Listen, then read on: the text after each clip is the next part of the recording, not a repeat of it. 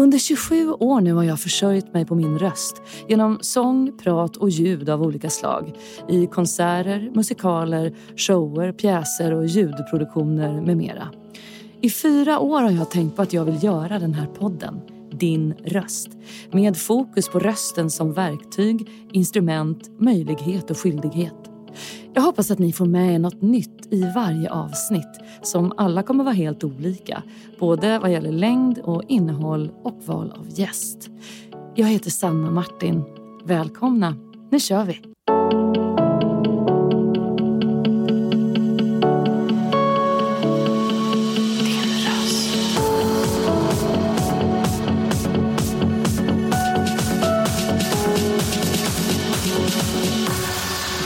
Röst. Det kommer bli bra. Det kan inte jag, för det här är inte här är min inte din grej. Vet du. Det är därför man inte är sin egen tekniker. Men ibland är jag ju det. Men, men, men vi kör då. Då ska ju vara, jag säga så här. Jättevälkommen till min podd Din röst, Helene Sjöholm. Och tack så Och så mycket. sitter jag hemma hos dig i den här underbara miljön. Nu ska jag försöka vara så lite proffsig. För att du är nog den gästen som jag känner välast. Säger man välast? Det, det, Bäst. det låter bra, välast. Ja, ja men, men, så jag ska, Ja, inte, jag jag, ska försöka vara liksom lite clean här va? Mm. Inte, kan du vara det? Kan Ja, du vara jag- lite clean? Jag ska försöka Sanna. mitt bästa. Men så himla mysigt att du vill vara med på Ja, vilken, röst. vilken ära, Sanna, är det Ja, att få vara med. såklart. Men Mm. om man gör en podd om röst så känns du ändå lite så här kan möjligen tänka mig prata röst med dig. Vad kul! Det, det är ju inte jag alltså så, så där van vid Nej, att göra. Att, för att, att prata om... För det tänkte jag på nu när du frågade mig. så med Att prata om rösten mm. är skitsvårt. Om Jag vi nu vet. tänker, jag vet att också rösten... Jag har lyssnat och tyckt väldigt mycket om de program du har gjort och liksom en röst betyder mycket, många saker. Verkligen. Men min, när vi pratar både tal och sångröst och så, att liksom prata om. Gud vad intressant. ja, och också inte, kan det ju bli ganska tråkigt. Alltså det kan ju bli väldigt torrt. Jättepretentiöst. Men vi, vi gör vad vi kan. Men jag Vi- vill ju göra en podd om hur vi använder våra röster. Både liksom din röst Ja. som är Helens röst som vi känner dig. Men också Mm. rösten hur vi är i våra liv och i våra samhällen. Och ta som ansvar och som möjlighet och skyldighet. Och inför valet såklart. Vad är en röst idag? Så vi vänder och vrider på det här lite. Så får Mm, vi det är se var vi hamnar. Ibland har den där känslan av att inte vara tillräckligt kunnig slagit till. Jag kunde inte säga det här är mitt jobb, detta är jag bra på. Länge sa jag bara, jag håller på med det här nu, sen får vi se. Vi som inte har utbildning känner oss nog lite som amatörer hela livet. Jag har inte samma referenser som de som har gått teater och musikhögskolan och läser inte noter direkt från bladet, men jag har bra gehör. Det här är ett citat från en intervju något år tillbaka som du gjorde. Är det komplicerat att höra andras åsikter och ständigt berömmande kring din röst när du kanske själv alltså inte är lika övertygad hela tiden? Nej, det är inte svårt. för det ehm, Nej, men det är ju underbart om, om folk tycker om ens röst. Jag menar, det har jag aldrig tyckt vara ett problem. Det är ju jättefint. Men, men däremot så tror jag att jag har väldigt mycket magkänsla i mitt sätt att jobba med min röst. Så att jag har svårt att vara teoretisk. Jag har inte de instrumenten eftersom jag heller inte har en sångutbildning. Alltså jag kan inte riktigt förstå. Eh, nu i och för sig efter många, många år så kan jag ju själv omvandla känslor i kroppen av hur det här funkar eller det här funkar inte. Mm. Men annars så tror jag att jag har tyckt att jag har känt att det blir svårt bara. Att jag känner mig eh, inte kunnig. Jag känner mig... Mm, jag blir nervös när jag ska, ska förhålla mig till min röst professionellt. Men när jag gör det så är det ju inga problem. Jag tror jag sjöng mig igenom min barndom och att det var mitt mer naturliga uttryck än att prata. Även om jag pratade mycket också. Jag tror att jag vet att jag lät mycket på olika sätt. Och att jag hade ett stort behov av em, att sjunga hela tiden. Och det kunde säkert vara, och jag vet, jag vet att det var jobbigt som förälder att ha ett så ljudligt barn. Men, men det var ju också under en sån period, och det kan jag se med, med mina barn, när man är fri Mm. som barn, alltså det första, den första tiden, när det bara flödar. Jag tror jag behöll mitt barn Mm. i den rösten på något sätt. Så det var alltid naturligt att låta mycket, sjunga mycket. Där har jag kunnat uttrycka mig liksom rakt ut inifrån mig själv men, men inte varit lika tydlig i min kommunikation med vad jag känner som liksom själv. Nej, just det. Det har jag haft mycket svårare för, om vi nu pratar röst överlag. Att säga Precis. liksom så här tycker jag, eller nu blev jag eh, ledsen, förbannad. Alltså, det mycket, har jag ofta svalt och sparat. Och Ja. sen har det kommit ut. Och jag tror det till och med som, som litet barn så kom det mer ut i sången. Gud vad intressant. Det där har vi pratat om i några avsnitt också. Att det är verkligen en röst vi ska låta få ta mer plats. Den här rösten att vi ska lyssna på oss själva och hur man gör det och hur man stärker sin inre röst. Alltså det är det är också en aspekt verkligen på Det det, är här ju- ämnet. Verkligen, det tar ju aldrig slut i livet. Jag pr- pratar mycket med... Jag är uppvuxen med mycket, många kvinnor som har varit väldigt starka Mm. på olika sätt. Och den styrkan har, har kanske ofta, tycker jag, synts mer i vad de här kvinnorna har gjort än vad de har sagt. Till och med varit ganska motstridigt ibland. Därför att, att säga exakt vad man tycker, det har varit svårt. Mm. Även för de här starka kvinnorna. Därför att det viktiga är att inte göra någon ledsen, att eh, inte göra sig obekväm. Mm. Att vara smidig. Nämen.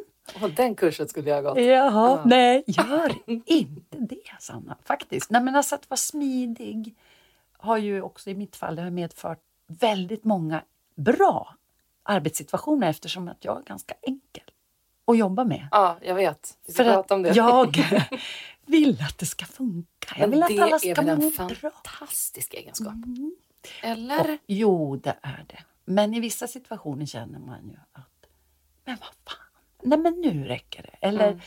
nej men det här känns inte bra.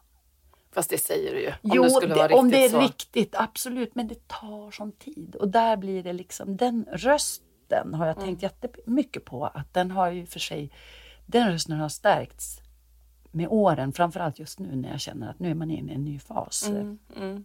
Jag är vuxen nu. Det känns ju bra. Det är inte lika långt till från att jag känner det här känner jag nu, det här måste ut. Men det har varit mycket svårt för mig Mm. som riktigt ung. Och där tror jag att jag, det kanaliserat sig i min sång. Du växte upp i Sundsvall i en familj där du är äldst av tre syskon. Eh, var det liksom svårt att hävda sig i den där syskonskaran? Fick man liksom strida för att höras eller förstod du att din röst eh, i familjen räknades? Mm. Det gjorde den. Jag var ju ensam barn tre år och fick väldigt mycket fokus av inte bara min mamma och pappa utan av, av mina, min mormor och min farmor framförallt som jag träffar mycket då. Och jag tror de åren, ju- de är ju så viktiga. De präglar mig fortfarande. Det är helt galet. Otroligt. Ja, men det är häftigt. Så att jag kände att jag blev lyssnad på, verkligen. Sen fick jag två ganska eh, tydliga syskon, får jag säga, som också tar plats. Men det har nog inte känts för mig, kanske mer för dem faktiskt, tror jag. Som att de har fått fightat som utrymme. För att jag hittade ju tidigt vad jag, att jag ville, att jag behövde sjunga. Men hur var skoltiden för dig när du var ung och hur liksom var du i skolmiljön? Jag ville, ville vara smidig. Jag ville att det ska vara bra. Jag är noggrann. Duktig flicka har jag varit. Väldigt mycket. Alltså jag tyckte om, jag, jag gillade att gå i skolan. Jag hade det bra i skolan. Däremot var jag, har jag aldrig varit den som har haft väldigt mycket nära vänner eller liksom haft bästisar sen småbarnsåren. Utan jag har varit ganska solokvist. Jag har rört mig mellan olika gäng. Så att barndomsperioden var bra för att jag hade en otroligt tror jag, stark fantasivärld. Det var mycket liksom min egen sfär, min egen bubbla. Kanske lever det kvar lite, att man skapar, men man är olika och för mig, jag har varit, um, haft svårt att passa in i grupper direkt. Och där blev liksom kören, um, jag började sjunga kör tidigt. Och jag vet att min mamma skjutsa runt mig på diverse aktiviteter bara för att få ut den här ungen som lät hela tiden. Mm. När jag var åtta. Det blev liksom öppningen till en ny värld. Också för att där fanns vi, vi var tjejer mellan 8 och 16-17 år. Vilket är jätteovanligt. Alltså, Fantastiskt. jag tänkte ju säga det helt- kan inte vara vanligt. nej men alltså, det men det ju... är ju en riktig körstad Sundsvall. Ja, det är det. Eh, och att, att liksom få komma in i den världen då tidigt måste ju ha spirat på din sånglust och Jätte, gjort dig jätte, medveten om att du passade där. Och får ju skicka en, en stjärna till Kjell Lönnå som gick bort för Mm. en tid sedan. Mm. Eh, Han som präglade också präglade den världen. Ja, Det den, gjorde han och många andra starka körledare också ska jag säga Mm. i Sundsvall. Och jag hade ju, jag, menar, jag, jag kunde ju liksom ligga på morgnarna med, mellan mina föräldrar och förstöra deras hela förmiddag genom att sjunga sånger för dem. Långa, sorgliga skillingtryck som jag hade lärt mig. Liksom. Eh, Jag älskade Maritza Horn. Oj, jag älskar också Äh, Det var min första LP-skiva. Det här var gamla skillingtryck. Aha, nej, men, Det var liksom eh, mo, barn, barnet som var döende. Moder, jag är trött. Nu vill jag sova. Jättesorgligt. Så fruktansvärda sånger. Oj, Ja, det gjorde jag. Långa verser, alltså många verser. Jämmer och elände hette den skivan och jag gick i mål. Det var så underbart med de här starka sångerna. Liksom. Mm. Så det hade jag haft med mig sedan jag var ännu yngre egentligen. Eh, Men sen när kören kom, som ett, det blev som att kliva in i en familj. Liksom. Så var det ju. Alltså först nya kompisar, eh, inte minst se upp till de här tjejerna som, som liksom var eh, äldre tonåringar som sjöng på ett annat sätt och som såg ut på ett annat sätt, hade ett helt annat liv. Och träffa dem Gud vad smart varje jag. vecka. Hur Socialt. Och med en körledare som var Elisabeth Modén Hallgren förstår du. Hon var inte att leka med och hon, var, hon krävde saker. Klev in med sylvassa klackar och en boa. Liksom. Nej. Hon var en sån personlighet. Hon var en grym sångerska och en fantastisk pedagog. Och det såg inte jag då. För att det hon höll på med var ju liksom allt ifrån tonbildning, textförståelse. Oj, Bort med grej. luggen, ut med tuggummit. Men till, till det att uppfatta de tjejer som hade det tufft Mm. på olika sätt. Hon ringde hem och kollade läget. Och de som hade det skittufft engagerade hon sig i. Mm. På ett sätt som var Men helt vilken fantastiskt. kvinna. Ja, hon är hon var- i livet? Nej, tyvärr. Så jag, hon gick bort rätt tidigt. Mm. Men det- varför, ja. jag älskar det här att vi sitter och pratar med henne nu. Nej, att men vet du, att jag- hennes röst och hennes Åh. person som har stigit rakt ner mig- och gett dig det här. gav mig så mycket kraft. Liksom, för att hon visar att en kvinna kunde liksom ta plats i rummet, ta över och vara både... Hon var skitkul, hon var, eh, men hon var krävande. Och jag gillade det, att man var tvungen att, varje körövning så, här, så ville man ändå liksom ha öva lite på texten och lära sig stämmorna och, och liksom att stå där och bygga ganska komplicerade efterhand.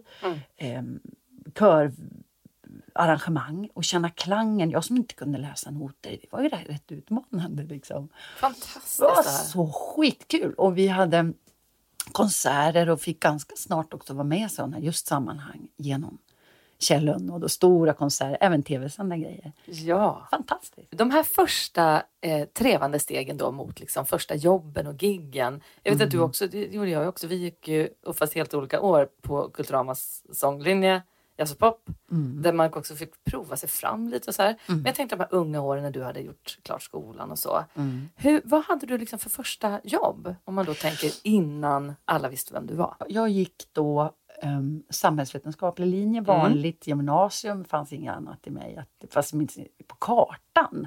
Och inte heller fanns ju de utbildningar som finns idag.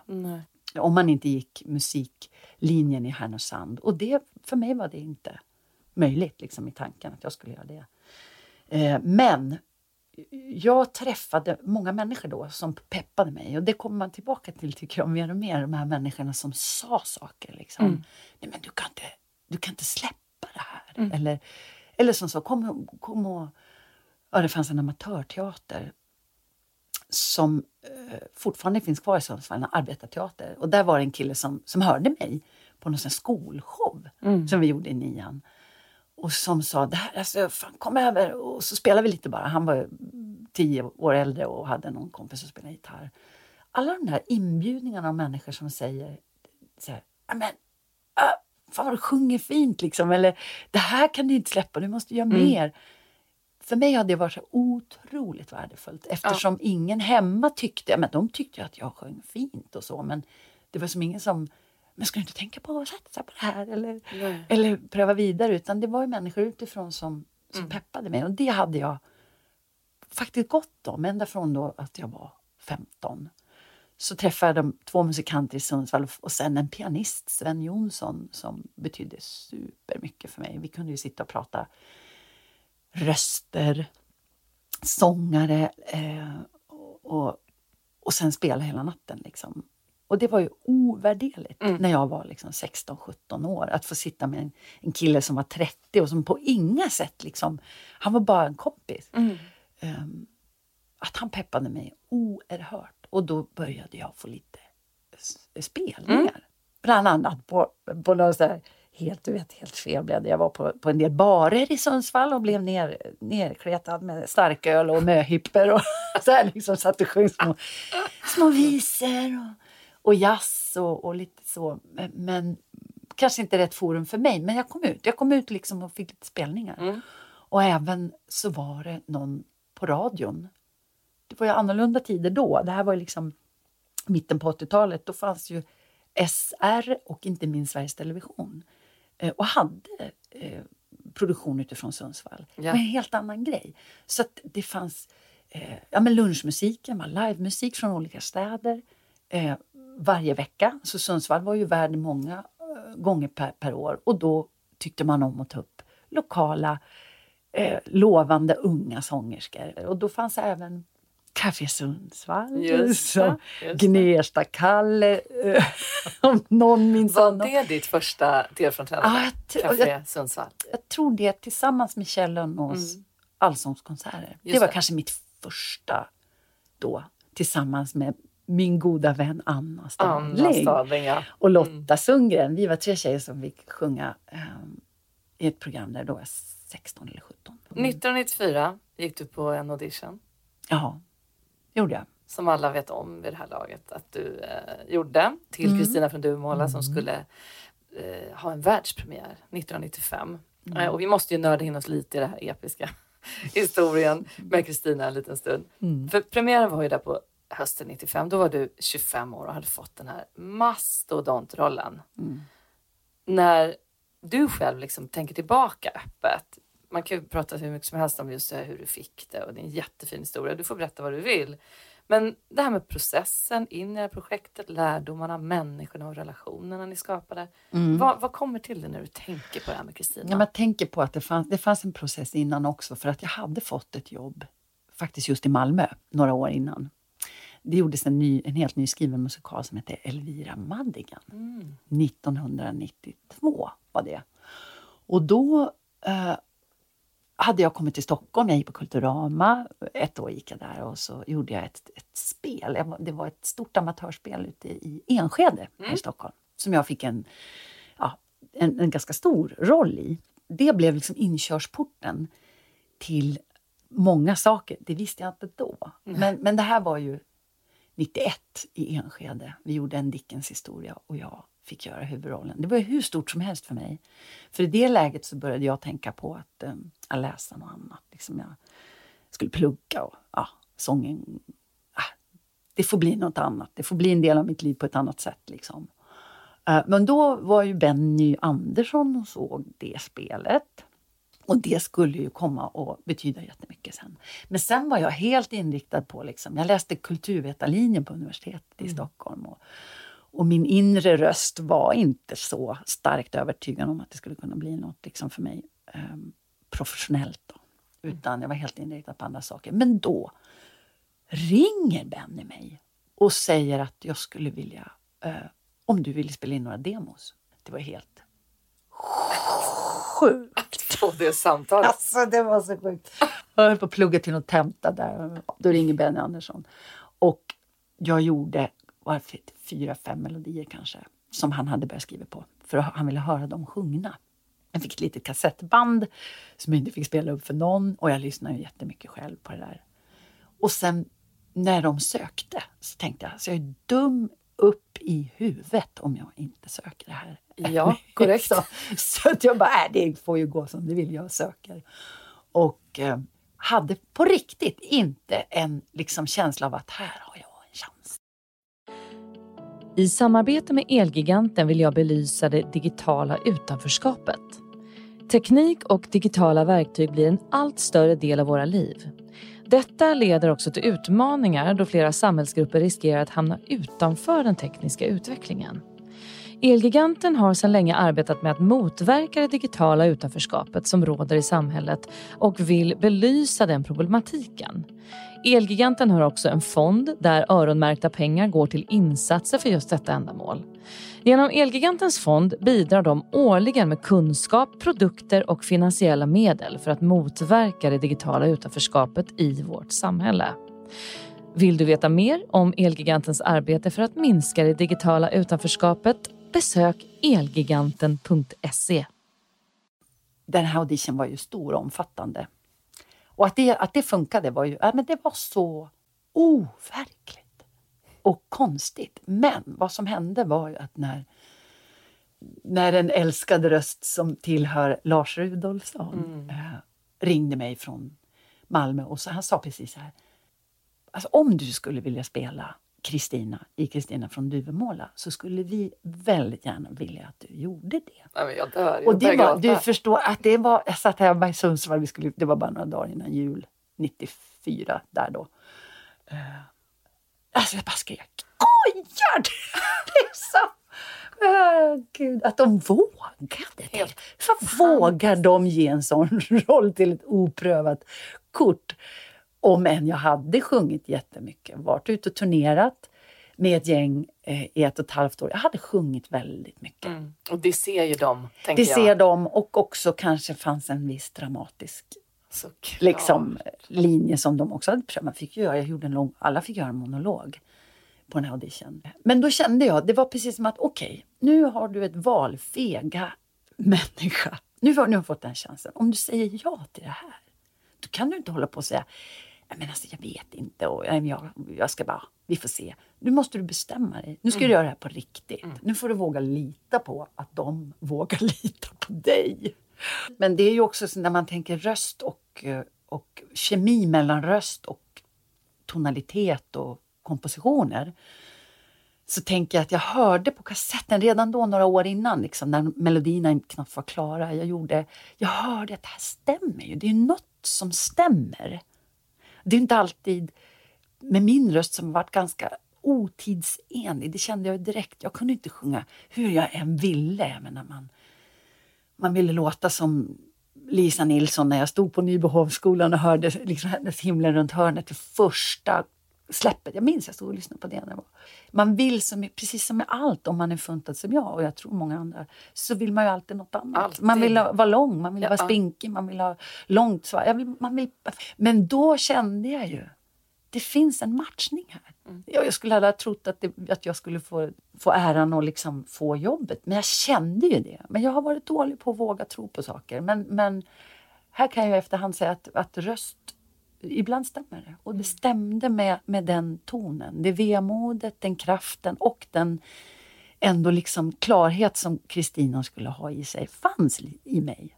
Jag såg er föreställning när den hade gått ett år, när ni kom till Göteborg. Ja, Och jag minns, då hade, ju, då hade ju redan skivan kommit, så jag hade redan hört musiken. Mm. Eh, men den, den slår ju an en ton, i- åtminstone i mig och jag tror i väldigt, väldigt många givetvis. Annars hade den inte gått i fem år. Mm. Den, det är ju någonting och jag tänker den hörde du som du nämnde redan själv på den här kassetten du hade fått. Mm. Du, du kände liksom att det var någonting. Ja. Sen blev ju det här verket väldigt sett och älskat. Den pågick, pågick i fem år föreställningen. Mm. Och att få leva så länge med en rollkaraktär är ju också så himla Ofattbart. ovanligt. Det, det, det insåg jag ju eh, först i efterhand såklart. Vi visste ju inte att det skulle bli så långt. Nej. Ingen visste om någon ens skulle tycka om det här väldigt långa, långa verket som det ju är. Det är ett verk. Fyra Och- timmar var den va? Mm. Och jag minns att jag, eh, jag var inte samma Kristina i början såklart som jag var sen i slutet. Det blev ju Så jag blev ju vuxen med henne på något sätt. Liksom från det som var min egen naturröst till att inse att jag måste lyssna på vad som funkar och inte. Jag kan inte sjunga sex föreställningar i veckan som vi gjorde då. Um, om jag inte verkligen lyssnar på vad som funkar och inte. Jag kan inte blanda också talröst. Det var ju en hel del spelade scener.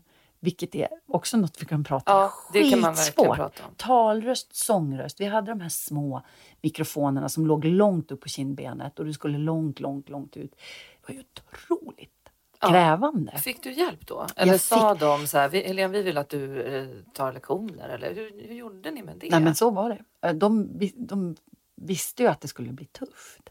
Och att jag hade, inte hade den typen av erfarenhet att jobba så där mycket på en scen. Liksom. Jag hade ju giggat mycket men inte så. Mm.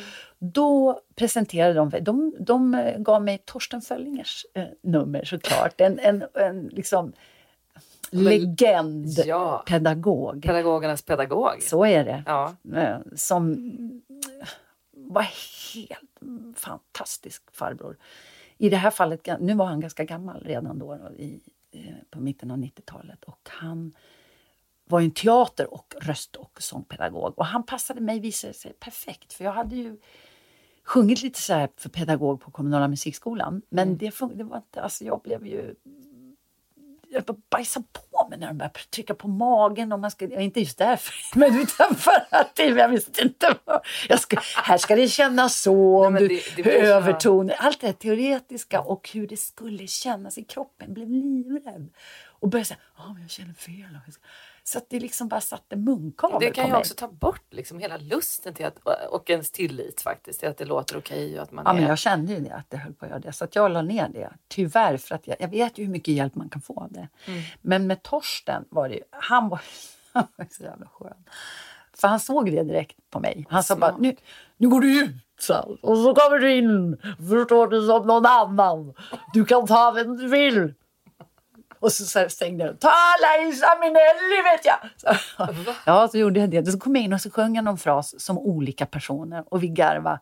Och han sa, det är så här du ska göra. Så han, så här ska du göra. Du ska bara leka och du ska lova mig att ha roligt. För att du vet, annars kommer det inte gå. Och spela oh, så här mycket för dig. Du, ska, du måste eh, släppa på din, vad du tror att du kan och så ska du leka. Vilken otroligt bra anvisning. Han lärde mig mer än jag förstod då. Och sen körde ni sex gånger i veckan, alla dagar på Malmö Opera utom måndagar. Ja. Och att vara 25 år och hyfsat ny ändå i det här gamet som du säger att mm. man hade inte jobbat på det sättet. Du hade inte gjort det. Nej. Alltså, hur var det för dig som ung artist? Att liksom så här, det var ju smockfullt, eh, väldigt populärt, det blev populärt väldigt fort. Liksom. Mm hur sjutton orkade du Men vi var ju ett bra team. Vi var ju, för mig som har jättesvårt att spara mig, jag är ju en allt eller inget. Det var ju tufft eftersom jag inte förstod riktigt hur jag skulle spara mig och orka. Utan jag gav ju allt varenda kväll såklart. Mm. Och det är ju ett liv. Som, jag menar, det är allt ifrån stor sorg, desperation, kärlek, död. Det, det liksom tog ju mig så hårt. Så förutom att jag låg och käkade godis på måndagarna och grina liksom för, ja, för, att, för att liksom å, ut med allt, allting och sen börja om så var det ju tufft för rösten. Det var skittufft. Men som tur var fanns det redan i början tanken på att, att folk skulle kunna hoppa in. Det fanns planerat att mm. om något händer så så fanns det en tjej i ensemblen som, som kunde Hur hoppa in. Hur känner du kring det där? Det, det, det här med att ha en, eh, i vår värld så heter det ju en understudy eller en mm. cover som mm. hoppar in om du inte kan. Mm. Uh, det där är ju en speciell roll att ha. Jag har varit cover någon gång för någon mm. roll eller någon artist. Uh, och det är ju liksom, det måste ju vara jättetryggt. Men det är inte alltid en lätt uppgift liksom, för det är ju också lite det här att jag vill ju inte hoppa in eh, och göra en jättekul uppgift när du och är sjuk. Alltså det är en väldigt märklig mm, jag. Eh, grej. Men upplevde du redan då som ung att vilken skön grej det är att veta att någon kör? Om jag det var ju en jättestor trygghet för alla, för, för, inte minst för teatern. Det var ju superskönt. Sen var ju det också svårt för att med, med tiden insåg ju vi eh, att vi behövde ha olika lag. Mm. För att vi mm. orkade inte. Nej. Vi orkade inte spela så här mycket år efter år. Det tog slut. Om jag får säga att det låg nära operan nästan eftersom det var så lång föreställning och så ändå så pass komplicerad sång att det var ju eh, superkrävande Verkligen. helt enkelt. Men hela det här verket, att liksom en sån här produktion ens görs i Sverige, jag tror man måste påtala det, att det är ju oerhört sällan man gör originalproduktioner i Sverige som också är sprungna ur liksom ett, en nationalklenods bok, då Vilhelm Mobergs epos om Utvandrarna och Nybyggarna, som då ytterligare två nationalklenoder liksom klär i musik och text, då Björn Ulvaeus och Benny Andersson, och liksom har Malmö Opera och Lars Rudolfsson. Det är en, ett enormt maskineri och det var ju så fruktansvärt påkostat och påpassat.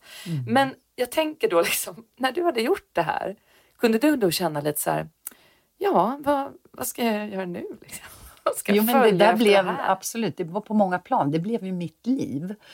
Och, och I åren mellan man är 20, när man är 25 år, allt det som jag inte var med om.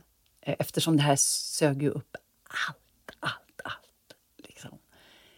Det gick fem år och vad hände?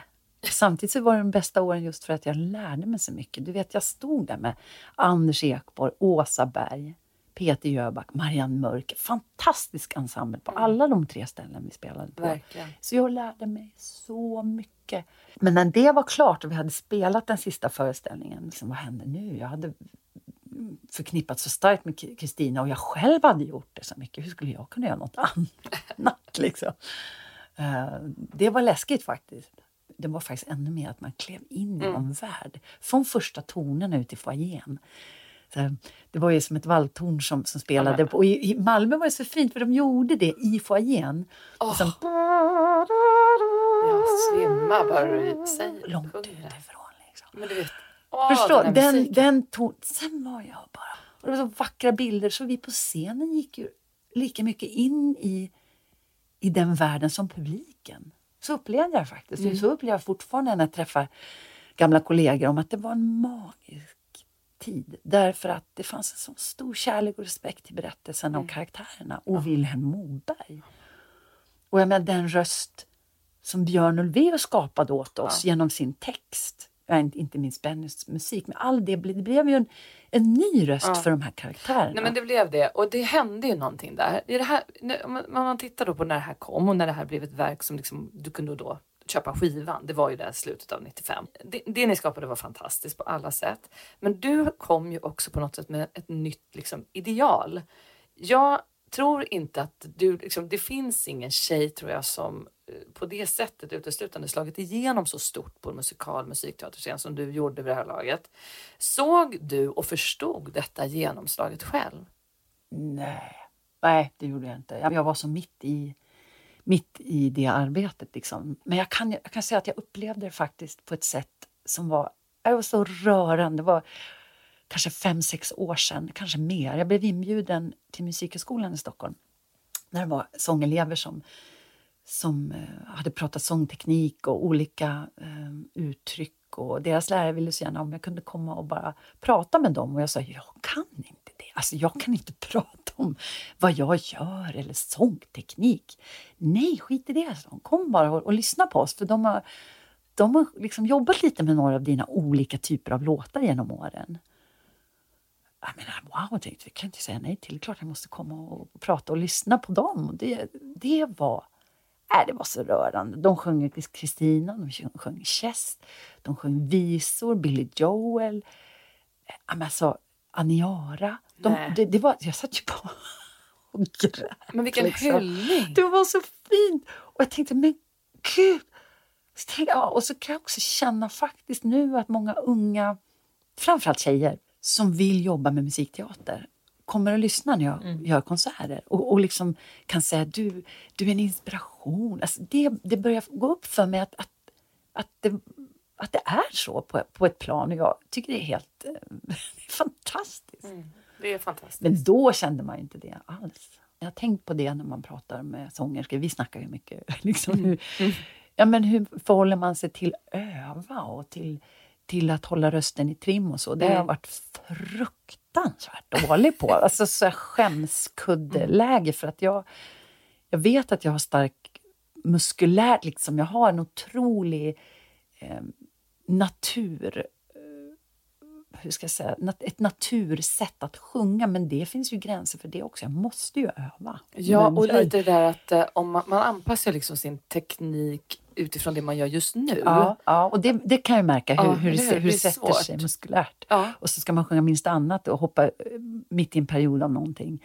Så är det som att det inte går. Precis. Det, det är intressant. Men jag tror för mig att, liksom, att, text, att det är som att texterna och jag behöver bygga en bubbla kring varje låt. Jag måste veta var den kommer ifrån i kroppen. Och det, det vet, jag kan inte ens säga var det kommer ifrån. Jag känner ju om jag vill göra någonting. Det här vill jag göra.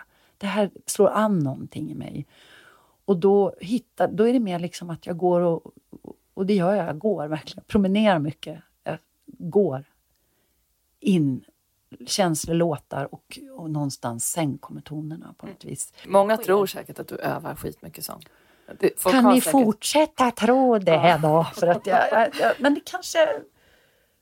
Nu är man ju i en ny fas liksom, när rösten börjar förändras på ett helt nytt sätt. Som Vad inte är lika tänker du kring ja, det, det- då, Helene?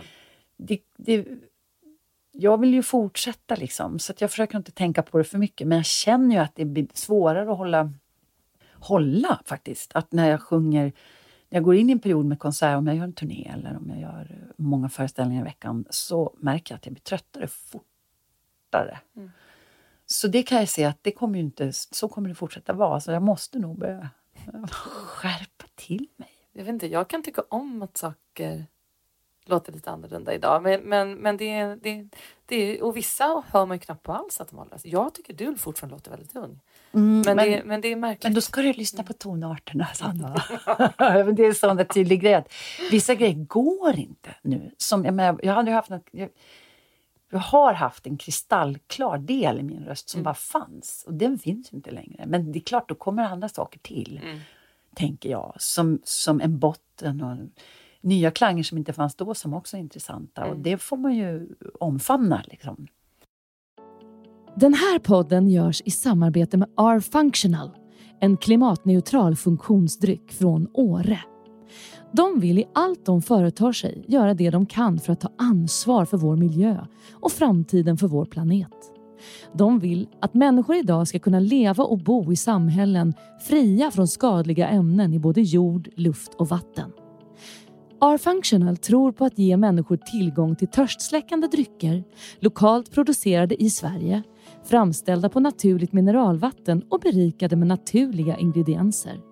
Genom ett för miljön minimalt belastande sätt levererar de fossilfritt från sin tillverkning i Åre och ut till sina kunder i resten av Sverige. Allt för att göra så små avtryck som möjligt på den här planeten och för att vi och nästa generation ska kunna känna naturens krafter även i framtiden. Läs mer på rfunctional.com. Vi eh, möttes ju en kväll i Göteborg för många år sedan när du hade gjort en konsert ihop med en kompis med. Det var första gången vi möttes. Så det kan... Ja, hej, tjena! Oj! Men vet du, åh, kan inte... Åh, det är Benny. Hej Benny! Vet, vet du vad? Och kära du, jag sitter mitt i en podd så Samuel klev in i en, en liten inspelningsgrej. Kan jag få ringa dig sen? Underbart, jag ringer dig. Hej, hej! Okej, nu, jag kommer absolut inte klippa bort det här. Nej men Det är bäst. kära du! men du, ja men jag... Eh, vad är klockan? Ha- Kvart över elva. Ja men det är lugnt, vi kan hålla på en Ja, timme bra. till. En timme till. Ja. Det blir världens längsta podd. Välkommen. Men det här var ju väldigt roligt att han ringde dig. Förlåt, men det här var ju så kul. Så där, vi träffades. Nu, det är så Alltså, trevligt, för nu tror alla att. Benny Andersson ringer mig hela, Hela tiden. Och det, nej, men, men, men ska vi säga det då? Att han ringer inte dig hela tiden? Nej. Men ibland, vilket är underbart. Vilket jag tycker är... Jag, nej, men jag tycker det är så exotiskt. Ja, men jag tänker ofta på Tycker det det. med det. att en lång... Det finns människor man, apropå kemi, med, med det som Benny skriver och har skrivit så har det bara varit som att, att det är som att det stämmer. Det är som att min röst, ja, där Absolut. vill den vara. Och jag, jag minns vi, vi stod i studion bara för något år sedan och vi håller på med en julplatta, jag och Anna Stadling. kan vi prata mer om sen Ja, vad det gäller röster. Men, men så kom jag på att ska jag göra någonting solo på den plattan så ska det vara eh, en skrift i snön som Kristina har skrivit. Kristina Lugn och Benny. Lugn, ja. Och sen så, och, och Jeppe som, Jesper Nordenström som spelar piano, han, han fick noterna, du vet, och klistrade. Det var, ingenting var förberett, vi bara gjorde den. Så kände jag, så här, vad jag än sjunger, så, vissa grejer funkar bra, men när Ben har skrivit det så går det rakt in i min röst på något vis. Jag vet inte vad jag ska säga, det var bara som att här är jag. Vilken liksom. underbar känsla också. Ja, att, och, det- och, det, då är det inte det att han säger så här, nej tyvärr du får inte låten för att den ska någon annan ha. Det ja, var men det kan han väl göra, men han tyckte att jag det fick var göra ju tur den. att det liksom var ömsesidigt. Ja, det var ju jävla tur. kan man väl säga. Men, men det, vad är det? Hur kan det bli så? Ja, jag, menar, jag sjunger Ja. Jag sjunger inte allt. Jag, jag vill gärna ha en, en bra känsla för det jag gör. Men när Benny skriver så är det som att det är en matchning som bara... Det är något, det är något lite magiskt. På Ja. sätt. Så har jag upplevt det när, när jag sjunger. Att jag trivs så bra där. Jag behöver inte ens... Eller trivs, jag bara är. Det stämmer med min person. Wow. Men kan du fortfarande känna typ så här, här kanske är till fråga men att du vet så här om, om ni ska repa och att du säger så ah, du, du ska prova den där låten eller vad du gör. Nu ska jag gå in och, nej men Ja. gud, är det, kan du fortfarande få en Ja, sån? det kan få. Verkligen.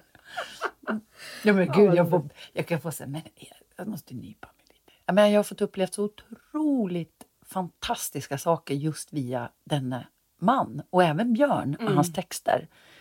Så att, ja, men det går inte med ord att beskriva eh, var jag har hamnat beroende på att de vågade ge mig det där jobbet. Liksom. Det är ju helt ofattbart och eh, underbart. Och helt rätt. Men du, det, vi- det var, vi möttes en gång för länge sedan. För första gången så möttes vi i Göteborg. Det var kan, vi, kan i slutet av 90-talet när du har gjort en du hade gjort en konsert ihop med en kompis med en norsk sångare som heter Steffen. Ja. ja. Och då möttes vi och, och jag kommer ihåg att mitt första intryck av dig var bara liksom så att du var jättehärlig och trevlig och, och så. Sen dröjde det många år innan vi möttes på riktigt. Och det var ju i uh, My Fair Lady på Ja, det. Oscarschatten 2008 när du spelade Eliza och jag var med i ensemblen där. Och då, då fick jag liksom precis samma intryck. För du är ju väldigt mycket, tycker jag, som du känns när du sjunger. Sann och uppriktig och på riktigt. Och du är världens bästa teamplayer. Du är så bra att jobba med. Du tar in allt och alla med både värme och skärpa i en produktion. Och så har du en liten, liten jävla räv bakom örat och är så rolig och busig som kanske inte alla vet. Sen eh, har du en befriande självdistans, tycker jag, kring liksom, eh, allt möjligt. Och är helt osannolikt omtänksam som person. Åh, men gulle. Ja, men det är du. Oerhört omtänksam. Men eh, ja, jag vet inte om jag hade en fråga. Men Jag tror att det beror jättemycket på att jag, jag har inte alltid haft lätt att hitta in i sammanhang. Jag har varit ganska mycket ensam som barn. Och jag ska inte säga att det var ensam, utan jag, var, behövde vara mycket själv och, och hade liksom kanske också svårt att... Kanske inte vara en teamplayer, men jag, jag märkte också att jag ville vara det. Så jag har faktiskt kämpat för alltså, både vad det gäller i jobbet, att, att få möjlighet att komma in i en grupp. Och där tror jag faktiskt Enskede-spelet var en förlösande faktor. Ett stort gäng amatörskådespelare och ett, där alla gjorde allt. Jag menar, vi byggde scenografi, vi låg i husvagn runt omkring tältet och tekniken för att ingen skulle komma och, och stjäla grejer. Alla, gjorde, alla som var med gjorde allt. Mm. Och den gemenskapen hade jag liksom inte riktigt upplevt. Jag älskar repetition, jag älskar ensemblespelet. Liksom, se vad som händer med folk. Och, och hur folk börjar älska varandra på olika sätt. Liksom, och, och, eller, eller där det knakar lite och det, det också ger saker. Liksom. ja, det är och, häftigt att vara en bricka i ett spel på det sättet. Det är det. Man är och man, det man går på pumpen, man står fast flera dagar och ingen hittar ut. Och så plötsligt är det något som händer. Och så, ja, där satt den! Liksom. Nu kommer vi vidare. Men jag kommer ihåg vad jag skulle säga nu, att det var så mycket du var bra på och sådär. Men att det är en sak som jag tycker att du är lite kass på. En! Och det, ja, en. Så här, lyssna bara på det här. Det är grammisar 1997, 2004, 2005, 2006, 2007, 2008, 2012. Det är Guldmasken 2003, 2009. Det är liksom hedersdoktor vid Mittuniversitetet, Guldmagnomineringar, stipendier, Thaliapris. Men beröm är du ju inte svinbra på att ta. hur, hur liksom är det? Vad, vad tänker du kring så här? Eh, Helene du är en idol säger någon eller du har inspirerat eller vad du var fantastisk ikväll på Next to Normal säger vi som du gjorde i våras. Alltså vad, vad tänk, hur, hur landar Nej, men jag, blir, jag blir ju jätteglad.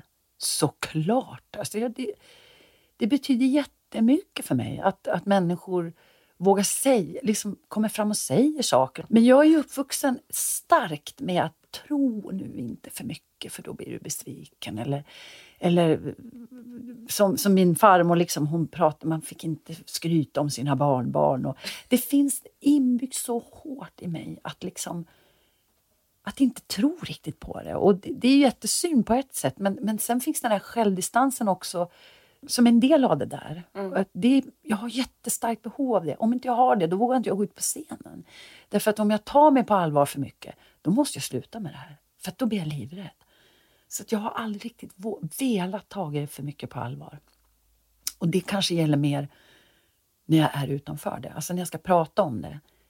Men när jag gör det, då är det ju, då är det på allvar. Annars går det ju inte. Liksom. Men om det gör, om jag, om jag ska säga att det här är mitt liv, alltså om min röst försvinner, då dör jag. Oh, nej. nej. men det får, det får inte vara så. Liksom. Nej, det får eller, inte vara så. eller när någon till exempel, vilket hände mig tidigt, och jag minns det så starkt liksom, i, i Malmö, när vi skulle göra Elvira Manningen och ha publik.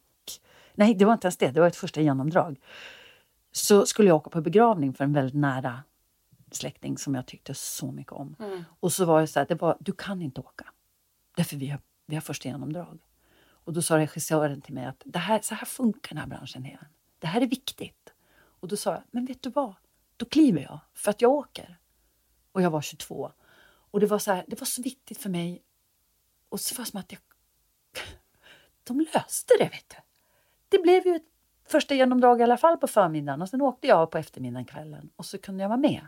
Och det var som en sagt, vet du, att jag kan faktiskt jag kan faktiskt tycka att olika saker är viktiga. Det här behöver inte vara essensen av mitt liv på det viset att liksom inget annat får betyda något. Det här är så himla bra sagt för att det, det här är ju att stå upp för sig själv. Det här är att lyssna på vad som är viktigt ja, för dig. Den rösten har den jag rösten. på ett sätt. va? Det är så olika. Vi pratar Men kanske om. den här branschen är ju inte klok vad gäller sånt. Jag tycker det var urbra och modigt val när du var 22. Men, mm. men Helene, hur många har inte vi, känner inte vi som har missat begravningar, som har missat sina barns studenter, jo, som har missat nästan sina barns födelse om du är man, kanske inte lika givet om du är kvinna men det är liksom... Nej, men det är gränsfall. Finns de som nästan... Vad tråkigt! Gud, Nej men förstå, det är ju någonting som är dysfunktionellt. Eh, för, för, livet är ju större än teatern, herregud. Det, det, det, livet är ju teatern, men ja, du men... måste ju leva, du måste ju prioritera. Menar, det är som där är man ju olika. Jag har full, full respekt för att man är olika i hur man lever och hur man vill, mm. vad man så att säga vill offra eller vad man ska säga. Men där har jag liksom, där har jag verkligen känt att det här får inte bli, alltså blir det här för viktigt, då kommer jag prestera sämre. Ah, och det wow. tror jag ber, ber, där, det hänger ihop med varför jag har svårt och jag vill liksom inte hoppa in i berömmet eller hoppa in i jag vill inte svepas iväg för långt ifrån mig själv. Mm. För jag tror man, jag, jag är jag, rädd jag, för det. Jag vill bara spela upp en sak för dig som, som eh, du kan väl svepas iväg i alla fall några sekunder. För att det här tycker jag är så fantastiskt. Jag ska förklara sen vad det är om du inte du kommer veta vad det är eh, för alla andra. Men det här är något helt otroligt. Det här är ett av de coolaste klipp jag vet.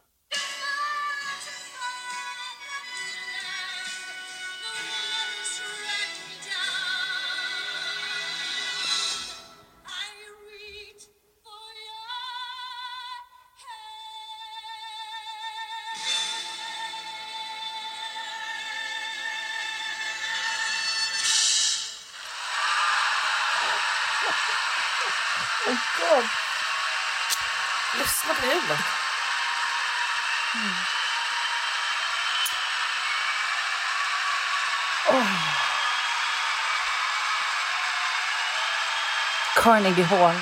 Det tar aldrig slut. Nej men herregud. Gud, jag blir så rörd. För... Jag blir helt knäckt. Det tar oh. aldrig slut. Det var en sån kamp för mig. Det var så svårt på ett plan. Det är så vackert. Det är så, det är fint. Det här är, alltså när ni, det här är när vi gjorde My Fair Lady. Så åkte du iväg på det här äventyret.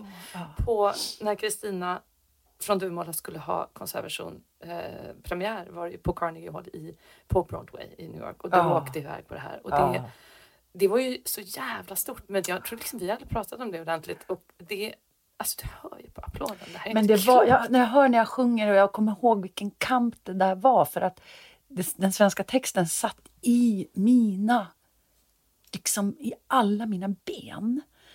Och att putta ut det där och göra det på engelska var nästan, var nästan omöjligt. Mm, Alltså. det måste och jag gick in i, jag, jag, jag var så... Det var så mycket som hände då. Ruben var liten, vi hade haft premiär, jag hade någon slags Ja, men jag gick in i väggen, så var det när vi höll på att repa. Eh, Och vi höll på med det här huset, allt hände. Och jag skulle åka och göra det här i New York. Hallå! Liksom, det var så mycket. Och jag... Jag hör när jag sjunger det att min, när jag har kommit så långt så börjar jag känna att jag tror att jag har fixat det. Jag tror att jag har... Det var som att då började det gå upp för mig att jag, jag, jag var i Kristina fastän att det var... För vägen fram dit var så plågsam liksom. Och så jävla rolig också eftersom jag fick göra det här med ett helt amerikanskt Nej, men det, det, det här är så coolt att det här, det här är verkligen live. Det ska vi verkligen säga. Det är Ja. live-upptagning. Ja, och jag- och det jag ligger på Youtube kommer också. ihåg att jag stod och bara kände there. shit, shit, shit. Nu är jag liksom att jag, jag, jag hade samma uppgörelse nästan med mig själv som hon hade med, med Gud där. Därför att, att det var en sån jävla kamp för mig och, och, och våga göra det Men, faktiskt. men kan du ta, den applåden, Nej, det var är, ju- det måste vara den längsta Ja. som ligger på Spotify. Alltså det är det, det den är- är så lång och stark så att det är helt Nej, det var otroligt. helt overkligt. Det var ju stort. Så Det var, och det var, allt var ju, det var ju så här, det var ju inte nypa sig i kinden, det var ju slå sig hårt i ansiktet. Liksom, för jag hade gått där i två veckor på 42nd Street, liksom, gått upp i den där repetitionslokalen, träffat människor i hissen jag aldrig trodde jag skulle se live, liksom, som höll på att repa andra grejer. Och, och, och jag minns... Ja, men det var en otroligt tid. Det var väl tre veckor av mitt liv. Liksom. Först två veckor på, i repetitioner. Jag åkte dit själv, bodde i någon liten eh, minilägenhet där uppe vid Central Park och liksom gick till jobbet. Men hallå! Och, och fick träffa fantastiska människor. En ensemble som alla hade jobbat länge. Äh, det, det går inte att beskriva hur, hur stort det var. Och men, men det fina var, apropå bubbla och så, att jag, jag hade så stor respekt för det och var så nervös. Men så fort jag kom dit så var jag någon annan. Kunde du känna att de tog emot dig? Alltså, Ja, var de, de var grymma. att jobba Nej, där. De var så fina. Det var högt tempo, väldigt högt tempo. Otroligt, som du vet alltså, hur, det, hur det funkar där. Allt kan, alla kan allt på en gång. Alla sätter allt. Liksom. Så Jesus, turligt så nog jobbigt. hade jag jobbat några år med det här, så jag var i samma nivå. Liksom. Men jag, jag var, jag var eh, omhuldad av, av all, alla trivdes med det här. Alla tyckte det var vansinnigt roligt att Mm, göra. Så jag fick ju, nej, jag hamnade i något varmt och, och roligt. Det ska vi faktiskt. uppmuntra alla som gillar den här musiken. Lyssna på den engelska versionen. Det är jättespännande tycker jag också. Vissa saker som bara, va? Låter det sådär på Ja, engelska? ja. Men framförallt tycker jag det är så vackert att lyssna på detta mottagande du faktiskt Ja, fick. ja, det var ju ofattbart. Och jag, gud, när jag hör den nu så tänker jag att jag inte tänkt på det på ett tag. Nej, Och att men jag, det vill jag, Gud, där, vad där vill jag fint det där svepa med dig. Men det är så himla mycket vi kan prata om för att du har ju gjort så himla mycket med eh, konsertturnéer, musikaler, revyer, filmer, plattor. Men ska vi inte prata om den lilla rymdfiguren Widget? Som jag gjorde 70 jäkla avsnitt tror jag. Jag började nämligen dubba. Nej, men, Ja, det gör ju du en del. Sam. ja. Men det Apropå att använda också. rösten. Mm, Och det här var innan Kristina faktiskt. Var det innan? Ja, för jag bodde i Malmö i många år. Eh, Det var där jag fick det här första jobbet 92 med Elvira Madigan. Och lärde känna så sköna, många skådespelare som ju liksom åkte över sundet och dubbade i I Köpenhamn. Danmark. Och jag kom in i det där och, och var jag användbar vet du, för att jag hade en ung röst och kunde sjunga vignetten på nolltid, var snabb så här, och användbar helt enkelt. Så jag började dubba jättemycket. Och då gjorde jag en liten rymdfigur som hette Widget som pratar så här hela tiden och jag höll på samma rösten. Du vet, totalt! Gud, det var skitkul. Eh, men, men det, det lärde mig också en del just vad det gäller snabbhet med koder, med dubbning, som jag sen inte har gjort jättemycket, men, men lite grann Mm. sådär. Eh, och som var, tyckte jag, så jäkla kul. Urkul. Apropå röst, ja, väldigt, bara väldigt ett stickspår. Nej, men, men det är kul. Och att röstskådespela tycker jag har hjälpt mig att bli bättre liksom, kring allt skådespeleri. För du måste släppa grejer också. Du har inte tid att göra om och om och om. Exakt. Du måste bara lita på att ja, det, tjoff, det flyger liksom. Och där blir ju intuitionen och på något sätt det du måste släppa gör ju också att vissa, hang-ups Mm. släpper. Precis. Och det tycker jag berättar så mycket om hur det är att jobba när, när du går in i en bubbla, vilket du måste göra. Alltså det är det som är så befriande. Jag har en ganska har otroligt så här, kontrollbehov, jag behöver ordning omkring mig. Men när jag jobbar och går in i något, då försvinner allt det där. Jag skiter i hur jag ser ut eller i en viss profil eller om jag känner mig... Jag menar, vi pratar kropp, vi pratar röst, hur det låter, hur jag egentligen vill låta. För när jag gör det live, då släpper jag allt det där. Och det tror jag befriande. Där passar jag liksom, i live-sammanhanget. Däremot spelar jag en platta, jag har gjort en del, men, men just den där liksom kontrollerade situationen när man ska sitta och välja tagningar och sånt där.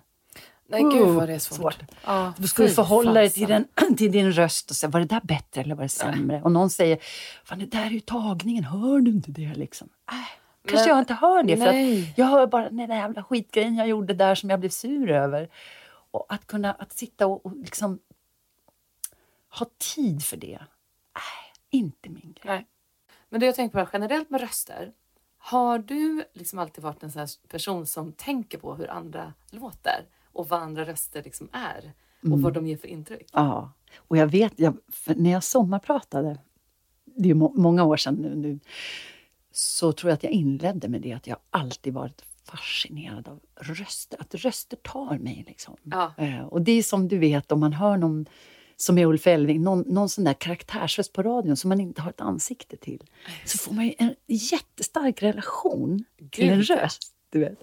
Och, och kanske också en bild på hur man tror någon ser ut. Eller så. Och jag minns men faktiskt med, med David, min man, Din när vi, man. när vi träffades så... Vi hade träffats på, på flera ställen och snackat mycket och sådär. Och så, sen ringde han mig och då eh, tog det nog kanske fem minuter innan jag förstod att det var han. För Mhm. han låtsades vara en arrangör som ville... som ville Han ringde och prankade. Ja, han prankade mig faktiskt. Och, och då kommer jag ihåg att först snackade han och så sa vad är det här för jobbig människa? Alltså. Och jag visste att David eventuellt skulle höra av sig och det ville jag gärna. Så att jag försökte liksom hasta på. Och det var så jävla jobbigt. Och så efter ett tag så men jag hörde inte, alltså började han garva. Så så. Och då jag, när han liksom släppte den här karaktären, och då tror jag att jag blev lite kär. Nej. Också för att han har en väldigt varm... Jag tycker om hans röst. Nej men det gör jag med. Han har en fantastisk röst. Det ska vi verkligen säga att alla ska lyssna på Ja, hans podd. Det är min röst, hallå! Ja, nej, jag skojar. Åh. Men, nej, men jag, jag tror att röster röst, ja. mm, kan verkligen attrahera också. Som du vet när någon ringer, ibland kan man känna oj, man får kemi med någon. På, Ja. Bara på att prata genom, och det handlar förstås om kommunikation, men att rösten har en, eh, är liksom kommunikationens utseende, om man säger. Ja, men det är helt sant. Och han, alla måste lyssna på hans podd. Det var det jag Ja, det kan dig. man också göra. Nej, men han har ju en jättekul podd som heter Bastusnack. Som spelas in här där vi sitter nu. Men, nej, men han har en jättefin röst. Och det, jag tycker också det. En röst Och kan ju jag- vara väldigt attraktiv och inbjudande. Men kan ju också få mig att stänga av något. Eller hur? Precis. Mm. Och det kan jag också tänka med minnen som ju doftar, men röster. Och jag är så glad. Jag spelar in intervjuad både min farmor och mormor lite grann. Mm. Eh, Och jag har också tidiga inspelningar när min mamma sitter och snackar med mig. Jag är två och halvt, tre år och sjunger grejer. Och henne, bara hennes unga röst. Att ha den, du vet, är så, är så fint. För jag minns plötsligt saker när jag hör hennes unga röst. Min mammas röst som när jag var barn. Och även märkte jag, vilket var ganska läskigt också, men när, när Ruben kom och han, han var liten och jag hörde, jag kanske spelade in någonting, filmade honom när han gjorde något, så hörde jag att jag lät annorlunda plötsligt. Att jag pratade med honom, jag fick liksom lite mer dialekt från ja, Sundsvall där jag kommer Ja. ifrån. Liksom. Men jag älskar ju din dialekt. Du har faktiskt mer dialekt när du typ babblar med barnen. Ja, än men typ vi jag babblar. vet. Visst, Ja, och där, där tänker jag, jag är helt skitsad för jag pratar olika. I jobbet blir man ju så här rikssvenska. Man går in, och då går man också in i en, en roll bara genom att göra jobbet. Liksom. Och, och sen när jag pratar med ungarna så är det något annat. Och pratar jag, kommer jag hem, Ja. Alltså du ska inte... jag går loss. Och det är inget val. Det är mer en känslomässig tillhörighet som ploppar upp. Mm. Liksom. Ett minne som, som sätter fart på någonting. Men jag älskar ju dialekter. Ja, men det- alltså, gud! Jag tänker, det, det är ju, jag är typ avundsjuk på alla er som kommer från en ort som man faktiskt har en dialekt i. Men- Men... Vi har ett gammalt, eh, gamla kompisar, ett, ett gäng som, som brukar ses minst en gång per år. Och eh, alltså, det kacklet. Det det, det, det det gör med oss, och vi bor ändå i hela Sverige, du vet, det är allt från Lund upp till Umeå. Det kacklet är, för då, då är det också ett skämt, du vet man, alltså det är galet. Ja. De rösterna finns liksom bara då, när vi ses. Ah, vi framkallar dem. Ovärderligt. Ja. Men du, den här ehm, grejen med röstproblem. Det är ju många sångares eh, öde och liksom att råka ut för någonting ibland eller knutor på stämbanden eller inflammationer. och Så har du haft mycket perioder där rösten har strejkat?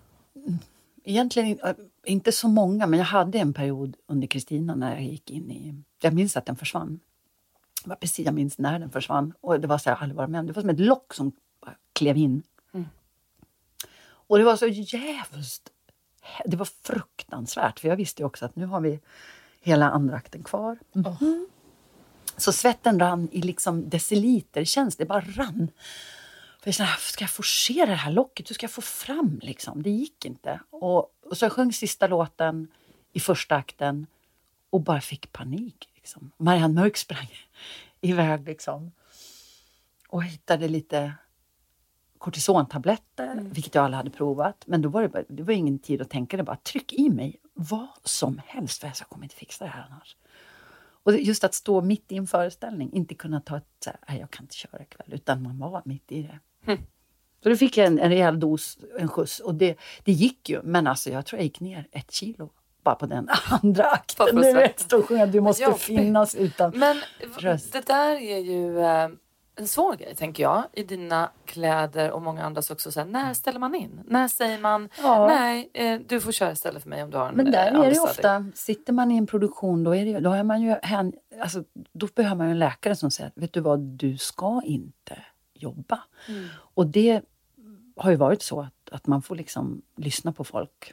Och i det fallet där, så blev jag var borta tre veckor efter den. Oj. Ja, för då, då bara brast det. Det försvann liksom.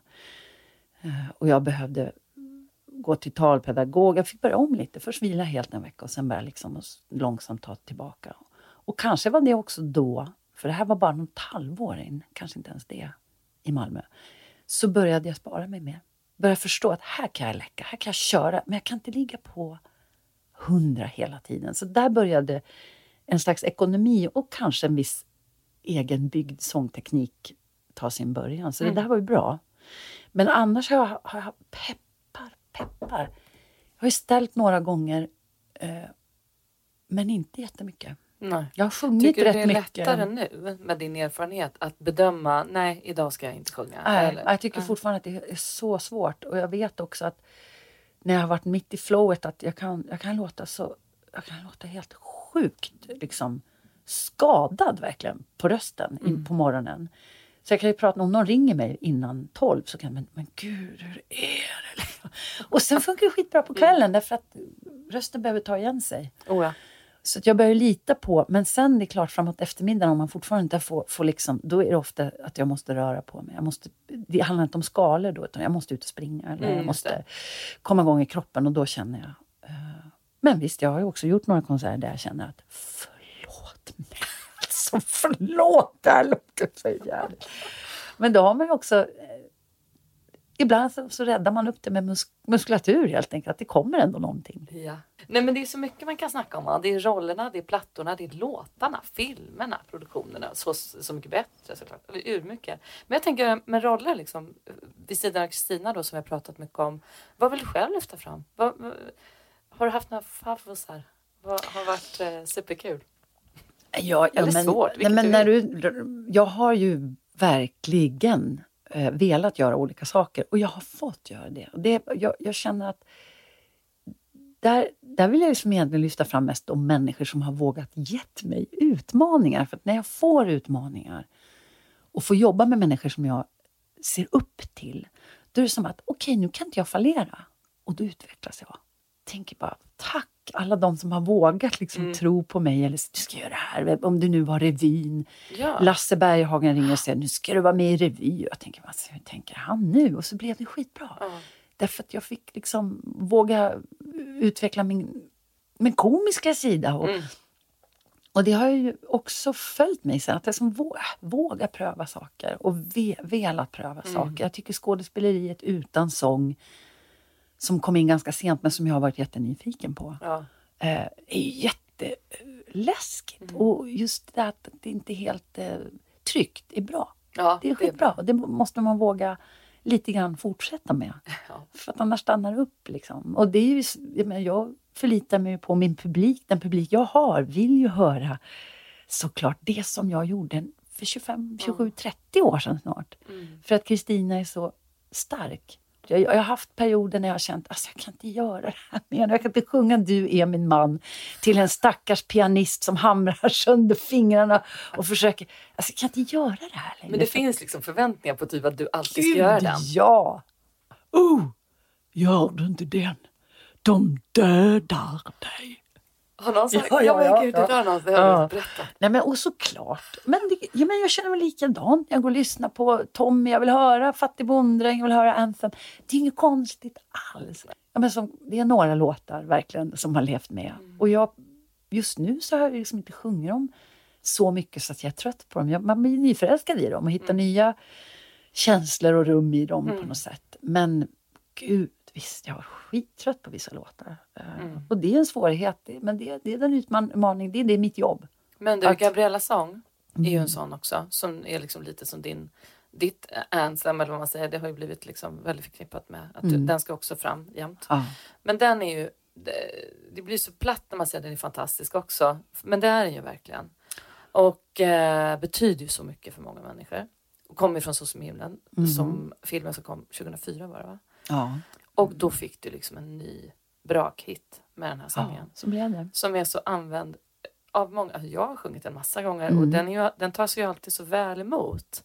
Mm. För den slår också an en ton i människor. Det finns ju, det, där finns det ju en röst, Ja. verkligen, som, som liksom ställer upp för sig själv.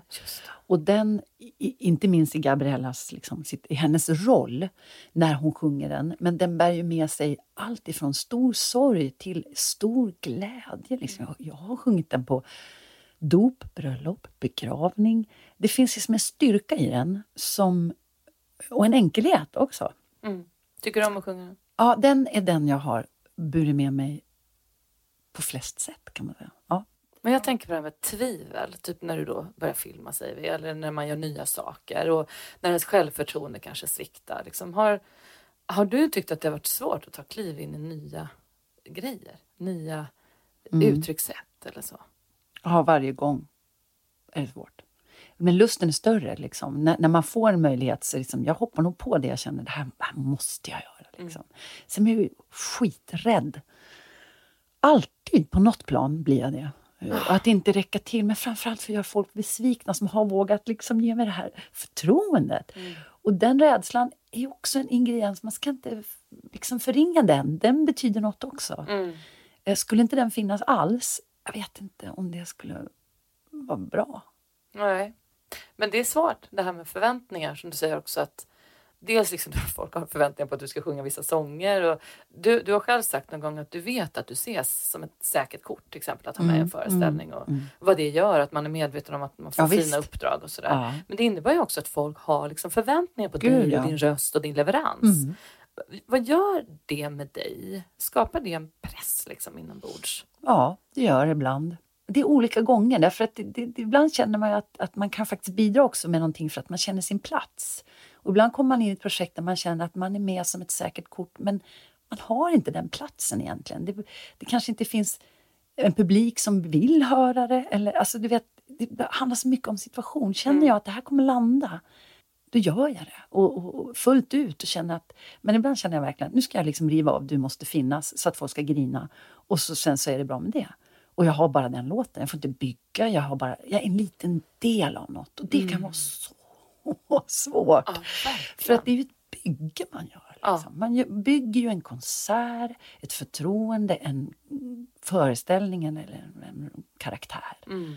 Och när inte jag får bygga, då känner jag mig... Alltså min skräck, det är ju liksom att plötsligt köra tre, tre och en halv minuters mellolåt och liksom, men vad har hon på sig? Men har hon inte blivit lite tjock? Gud vad gammal hon är! Och, ja, men, och så ska jag, tre minuters liksom tycka till-tid och inte få, inte bygga ett Liksom. Urjobbigt. Jag skulle aldrig våga det. Nej. Nej, men just det här att det är som ett lopp. Det är nästan som att så här, ja, ja. Eh, man liksom springer på lite i livet men där ska du liksom lubba för livet i tre minuter. Det det, nej, jag nej, det är tjurrusning. Ja. tjurrusning. nej, men det här med, med förväntningar på en själv generellt tycker jag är jobbigt. Och det brukar vi mm. prata om alltså, utanför jobbet också. Jag tror att kraven kommer oftast från en själv. Det är det man måste jobba med. Det är ett livslångt jobb att liksom också acceptera när det här blev inte som jag trodde. Eller, och det tror jag blivit bättre med, att när jag inte liksom levererar utefter hur jag hade velat, mm. så måste jag också se om någon tyckte om det, så måste jag ta det på allvar. För jag tror att det är det svåra man har, man är aldrig nöjd. Nej, men det är så viktigt, för det är inte vi som är liksom bedömaren. Det, It's in också... the eyes and ears of the beholder. Eller hur? Ja. Men du, i tv-programmet Renés brygga förra året så hade ni så fint samtal tycker jag om det här med att du som många andra känner en osäkerhet ibland kring sådär, kan jag det här egentligen? Och lite mm. som vi varit inne på.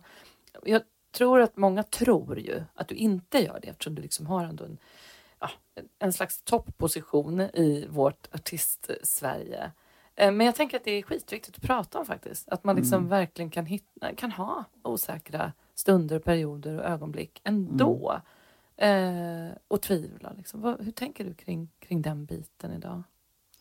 Jag kan ju känna liksom, nervositet och tvivel. Det kan ju komma som ett, ett, liksom ett stup. Precis innan framträdande kan jag få den känslan av att men alltså, jag orkar inte gå in och göra det här för att, liksom, för att jag känner just den där egna förväntan på att det här måste bli bra nu.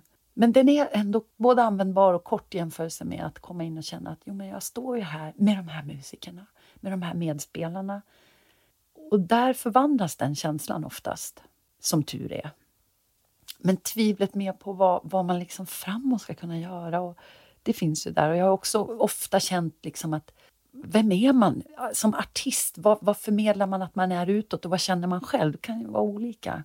Jag skulle vilja våga skriva någonting. Och vad, vad, skulle det vara? Men de starka låtar jag har gjort, jag menar någonting som jag sitter och plinkar på själv känns ju banalt. Fast du har jättebra översättningar som du har gjort egna versioner ja, men Jag gillar ju det. Jag, ja. men jag tycker om att, att översätta mm. och jobba med texter och, och det skulle jag vilja mm. göra mer. Men jag tror att där är det kan, det kan jag känna ibland att jag har så starkt material, gjort så mycket som når till en viss kvalitet eller vad man ska säga. Så att det jag själv skulle kunna kreera känns liksom bara, nej. Mm. Eh, och så det tvivlet har jag alltid haft. Utan jag känner ju, och, och det kanske som jag känner att jag har haft många på mina axlar. Lars Rudolfsson, Björn, Benny, fantastiska musiker som har burit fram mig ju, och gjort mig bättre och tvingat mig att bli bättre. Mm. Allt det där liksom, det, det ligger ju i en det är ett samspel hela tiden. Men du är väldigt bra på att lyfta fram andra, tycker jag. Eh, och väldigt generös och peppande kollega och kompis som ser till att komma och kolla när man gör grejer. Det är också en väldigt fin uppskattad sida. Eh, men det här med samarbeten med andra, till mm. exempel med Anna Stadling som vi nämnde tidigare, som är mm. en gammal vän till dig som är en fantastisk sångerska och låtskrivare. Mm. Där ni har sjungit väldigt mycket ihop, men du har ju samarbetat med många andra också över tid. Vad gör de här samarbetena med dig? Nej, men de, betyder, de betyder så mycket därför att man lär sig så mycket när man går in i ett intimt samarbete med någon. Jag menar, om någon hade sagt till mig Eh, och nu tänker jag på Tommy. Tommy Körberg var ju en... Jag lyssnade jättemycket på ah. rösten när jag ah, var jag ung. Med. Lyssnade på Tommy, på Anna, Lotta Larsson, Marie. Alltså de där röstsångarna. Liksom. Ah. Och om någon hade sagt till mig att jag skulle få sjunga med honom eh, mycket. Det är så overkligt att jag har fått göra det. Kanske inte fortfarande, men det var det under en lång period. han har betytt så enormt mycket för mig när jag har lyssnat på honom. Jag har lyssnat mycket på honom live också. Jag har drömt, på riktigt drömt om att han hade konsert i Tornhallen. Du vet, och så här. Sitter inte Helene Sjöholm i publiken? Ska du komma upp? Och så ska vi sjunga ihop och så kan jag inte låten plötsligt. Du vet, alltså, Ah, bara såna dröm, drömmar. såna Mm. drömmar. Mm. Samklangen med honom som, som är den största, förutom just med Anna, så har jag ju märkt att jag är lätt, jag är lätt att sjunga med, tror jag. För att jag, följ, jag söker andras klanger. Jag gillar det. liksom. Och Det kanske också har att göra med att teori har inte varit... Jag har, jag har ett stort öra. Jag hör direkt. Nästan innan någon sjunger något så vet jag hur, hur tajmingen kommer bli. Eller hur jag hör vissa klanger. Då går jag in i det. det är, kul- jag tycker det är kul. Och med Anna har det varit magiskt. Vi har sjungit ihop i 40 år. Alltså, det är så Nej, men fantastiskt. Vi, vi liksom började sjunga kör ihop när vi var små. För Elisabeth då liksom. Anna och jag fann varandra mer och mer, men under gymnasiet kan man säga, då gick hon sång eh, eller musikutbildning, eh, musikgymnasium. Men vi började sjunga ihop mer då, som duo. Vi skapade en duo. Tillsammans med Sven, som jag hade jobbat mycket med, eh, pianist. Och vi gjorde jättemycket konserter. Vi hyrde kyrkor och gjorde julkonserter och, och sommarkonserter när vi var hemma. Liksom. Och det vi gjorde under de åren, det var ju liksom att vi hittade ett musicerande som bara var vårt. Ingen annan kunde göra det som vi gjorde. Mm. Därför att vi, vi hittade stämsång, klanger, unis, allt det där man kan göra med en annan röst. Mm. Så mycket så att det finns kvar. För att under en lång period har ju inte vi gjort någonting ihop. Liksom. Förutom att vi har varit kompisar Mm. fortfarande. Men, men sen för några år sedan så gjorde vi en turné igen och det var magiskt. För att då var, sa jag magiskt lite ofta nu känns det så. Men det var faktiskt det. För att, nej men du vet, så har vi blivit lite gamla plötsligt. va? Vi är 48 år, det här var för fyra år sedan. Mm. Och ska jag inse att nej men vi gör en turné. Vi gör en, vi gör en julturné igen. Vi hittar liksom plötsligt in i ett mer som vi är nu. Och rösterna har ju såklart förändrats. Men, men att, att liksom gå in i ett så tätt samarbete igen som kompisar och som, som varandes liksom, eh, ja, men röstbuddies sen så länge. Det var jättespännande. Ja, men det, ni låter ju som en röst ibland. Det är verkligen fantastiskt. Ja, och nu ska ni spela in eh, en Ja, julplatta. nu har vi gjort en platta och ska ut och turnera. Och det, där är, för det är också något jag upplever som, och det har ju, att man blir en liten ensam röst när man är sångerska. Ja. Även om man jobbar i ensemble ibland så Mm. ser man liksom, man avbryter sina familjer hela tiden. Så för mig har det varit så fantastiskt viktigt liksom, att hålla några linjer som jag har gjort med Anna, som, som liksom inte kapas. Just det. Eller som med dig, men vi har inte jobbat mycket ihop, men vi har ändå liksom den erfarenheten av föreställningar och, en vänskap som har vuxit fram. Att, att man inte kapar hela tiden, för att jag eh, tycker det är svårt. Det är det. Du, nu är det ju val om drygt sex veckor. Mm. Och jag brukar fråga, vad gör ett eh, valår med dig? Eller ett riksdagsval med dig? Alltså, po- det, politik, förutom att det är skitsvårt, så har jag en ganska så, vad ska jag säga? Jag följer inte debatterna så hårt. Jag är ganska säker på vad jag tycker sedan länge, så att jag vet hur jag kommer rösta. Jag tycker det är svårt för de pratar om så mycket som inte är viktigt. Alltså på riktigt, jag kan för mitt liv inte förstå att klimatet försvinner. Jag tycker det är vår ödesfråga nummer ett. Och jag har känt det så starkt så länge. Och verkligen försökt leva ut efter det på det sätt som vi har kunnat. Jag tänker på Fridays for Future och den, hela den rörelse som Greta skapade och som, som har fortsatt med så många andra unga aktivister. Hur är det möjligt att inte detta ska få förändra våra liv? Hur kan en, en, en, en politiker säga att det här ska inte behöva förändra våra liv? Mm. Jag tror tvärtom att någon måste börja säga på riktigt Att det vi måste förändra Mm. våra liv Mm. drastiskt Mm. om våra barnbarn ens ska ha i möjlighet havet? kunna Mm. äta någonting som Mm. är fräscht, kunna ha en natur omkring sig som är frisk. Mm. Så för mig känns det som det, det som pågår nu, det är så, det är så märkligt. Ja, men det är det. Men är det här den samhällsutmaning och politisk fråga som du går och tänker mest på? Hela tiden. Alltså jag är ja. livrädd för jag, jag tycker att jag känner att det tippar så tidigt. Jag läste häromdagen att the tipping point, när vi har använt en liksom, energimängd i Sverige som vi får på ett år, Mm. det gjorde vi i mars. Den, det datumet har ju flyttats fram varje gång och nu är det i år var det i mars. Och jag känner liksom att, att vi inte pratar mer tydligt. Att inte, och det är, lätt att säga, det är så lätt att säga, jag förstår att politik är komplicerat. Men, Ja, men det är klart. ingen vågar säga det obekväma i att det här vi Nej. måste förändra våra liv jättemycket. Ja, vi nej, måste men- börja jag se på vet att du är framtiden. engagerad i det här och du är ambassadör för Viskogen Ja. Mhm. som är ett superviktigt och bra projekt som alla kan gå in och läsa mer om. Vi ska länka till dem. Mm. Men vet du vad jag såg idag som jag tycker är så rysning? Eh, jag kollade, ville kolla på ett tidigt klipp med dig från Kjell. Alltså lyssna på den här låten. Så härlig är jorden ännu Om vi vårdar den är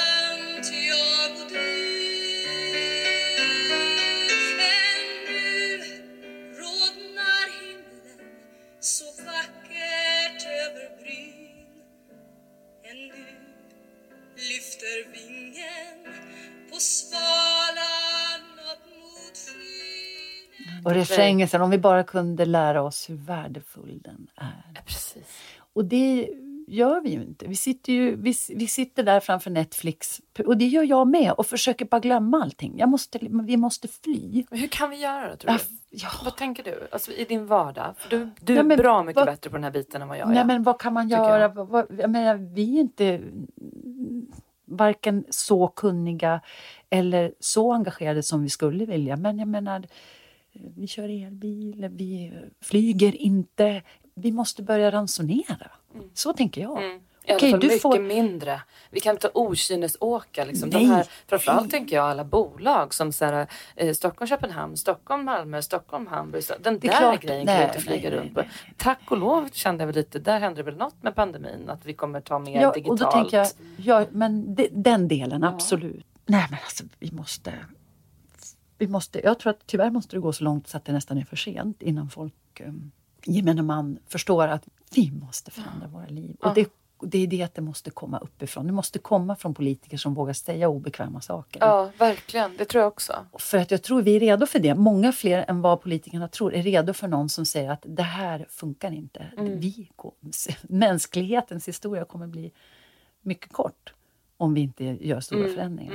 Vi kan fortfarande göra så mycket om vi orkar och fattar. För det kan vi ju. Och både med, med forskning, vi kan ju inte lita på forskning som inte finns. Att resultat som inte finns kan vi ju inte bygga politik på. Och det är lite det som görs nu. Och jag tycker det är läskigt. Men jag tänker att, att eh, och det här skulle jag kunna säga, det kan jag säga högt var som helst. Alltså det här är ingenting jag eh, har no några frågetecken kring. Eh, utan att det behöver bli partipolitik så säger jag att det här är... Sen finns integrationen, skolan. Det finns så, så mycket Ja. vi behöver ta tag i. Men ovanför detta svävar ju vår fortsatta existens och Absolut. den måste vi ta på allvar. Ja, men det måste vi. Och det tål att sägas. Det är bra att du tar upp det Ja. återigen. Alltså. Ja. Och det, det här är en ödesfråga och jag vet inte riktigt. När jag röstar kan jag ju... Jag är in, inte lika säker som du. Det var ett stort skäl till att jag ville göra den här podden. Att jag är ambivalent liksom, och behöver lyssna in alla möjliga röster för att hitta en egen. Det borde jag också, för jag tänker att jag, jag kan ju också styras av gamla liksom, ställningstaganden. Och, och, men jag känner var jag hör hemma, jag vet var jag hör hemma. Mm. Men är också jättebesviken. Och hur vi kan påverka det, jag menar, det, det skulle jag vilja påverka på, på de sätt, jag menar, jag, jag ställer upp för, för de frågor jag får från Fridays for Future och jag tänker att där finns de ungas kraft, det är ju där det, är där det bubblar Mm. Och kokar mest nu. Och det hoppas jag ska fortsätta och, och få, få större och större kraft. Åh, det händer så mycket nu som man är orolig för, men det här för mig, det står faktiskt framför allt annat. Ja. Du har tre barn. Vad är det främsta du vill ehm, att de får med sig av dig ut i livet? Eh, tillit skulle jag vilja hoppas att de kan få. Tillit eh, eh, till, till livets positiva sidor. Men det du säger nu med röst, tänker jag, jag har tre barn och jag tror att tjejer behöver lite extra pushing för att lyssna på sin röst och inte låta den vara kvar. Utan att säga vad man tycker. Våga ta plats. Och den känner jag jättestarkt just nu med, med mina barn. För jag har två killar som, som är lite bättre på att och hela tiden säga vad de känner och tycker. Och jag känner igen mig i min dotter, så där skulle jag önska. Mm. Hur kan vi stärka tjejerna Hur tror du? vi det? Ja, genom att inte klanka ner på oss själva så här som vi alltid gör. Eller hur? Den är svår. Den är svår. För och de det här är- med självbild och så som vi Ja. har varit inne på. Vi måste Ja. ta den på allvar Det själv. måste vi verkligen. Barn gör inte som vi säger. Som you know. gör. Som gör. Men det, det, jag håller Och där med dig tänker jag att det hela, hela metoo-rösten som kom upp för många år sedan nu är jätteviktig. Men det finns många andra. Alltså, det finns mycket annat. Det handlar om att, att våga stå upp för sig själv och säga ut vad man känner. Mm. Jag, ja, jag jobbar starkt med det fortfarande. Jag har varit dålig på det. Så det skulle jag önska att mina barn blir bra på. Om du fick vara minister ett tag, vilken minister skulle det vara och vad skulle du ta tag i allra först? Miljöminister alla gånger. Och bara styr upp miljön. Det var enkelt. Man Ja, bara styr upp Du bara styr miljön. upp miljön. Mm. Och du bara säger till alla vad de ska göra och inte göra. Det blir bra. Vad bra det kommer bli. Ja, det kommer. Nej men alltså miljöminister, vilken post? Jag menar, Mm. Svårt. Väldigt Men, svårt. men det är så enkelt att sitta här och säga att man ser mm, att det pratas bara. Vi lever i ett väldigt skö- skört samhälle. Mm, det gör vi. Och eh, det finns någonting fint i det också, som vi har glömt bort. Hur vill du helst använda din röst framöver? Jag vill ju fortsätta att få, få jobba.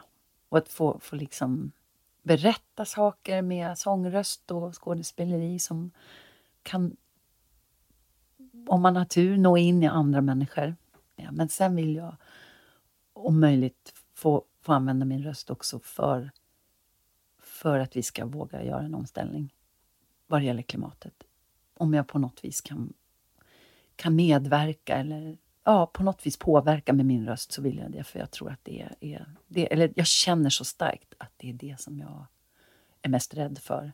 Jag har inte klurat ut riktigt på vilket sätt. Jag menar, jag gör det jag kan just nu men jag skulle önska att det fanns mer att göra. Och där skulle jag gärna lä- lägga både min röst och min röst. Bra.